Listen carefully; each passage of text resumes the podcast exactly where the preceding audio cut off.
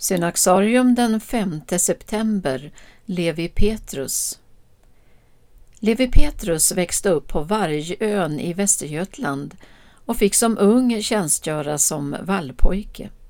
När han såg tillbaka på sin uppväxtmiljö sa den man som skulle bli en av svenskt 1900-tals främsta kyrkoledare det var en avskildhet, ensamhet och stillhet som gick mig i blodet.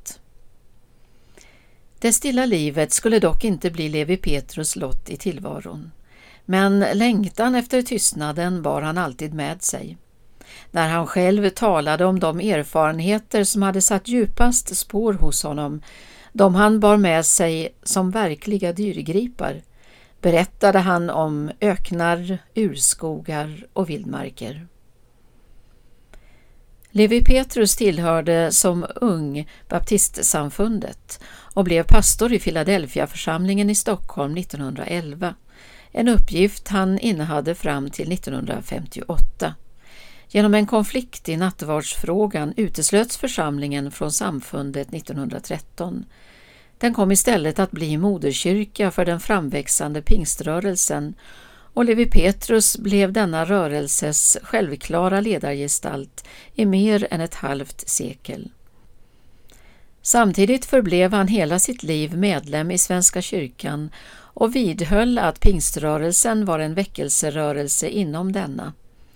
Mot slutet av sitt liv blev han allt mer ekumeniskt sinnad. Han skrev Själv har jag aldrig varit förtjust i att vara en speciell pingstvän. Jag har alltid sagt att jag är en kristen.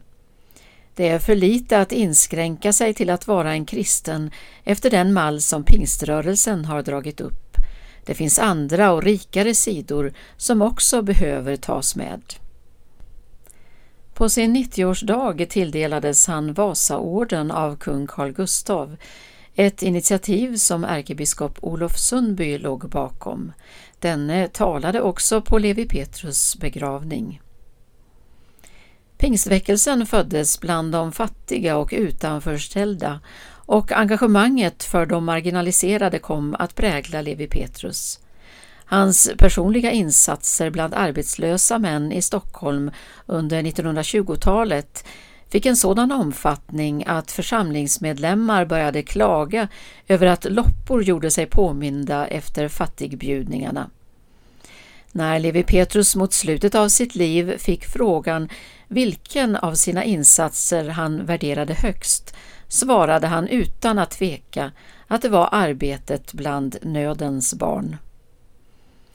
Västgötasonen från Vargön nådde stor framgång som kyrkoledare. Han startade bokförlag och skivförlag, veckotidning och dagstidning, radioverksamhet och bank och blev även en förgrundsgestalt i den globala pingströrelsen.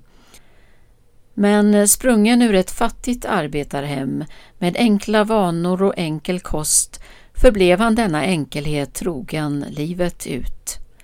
Levi Petrus dog den 4 september 1974 i en ålder av 90 år.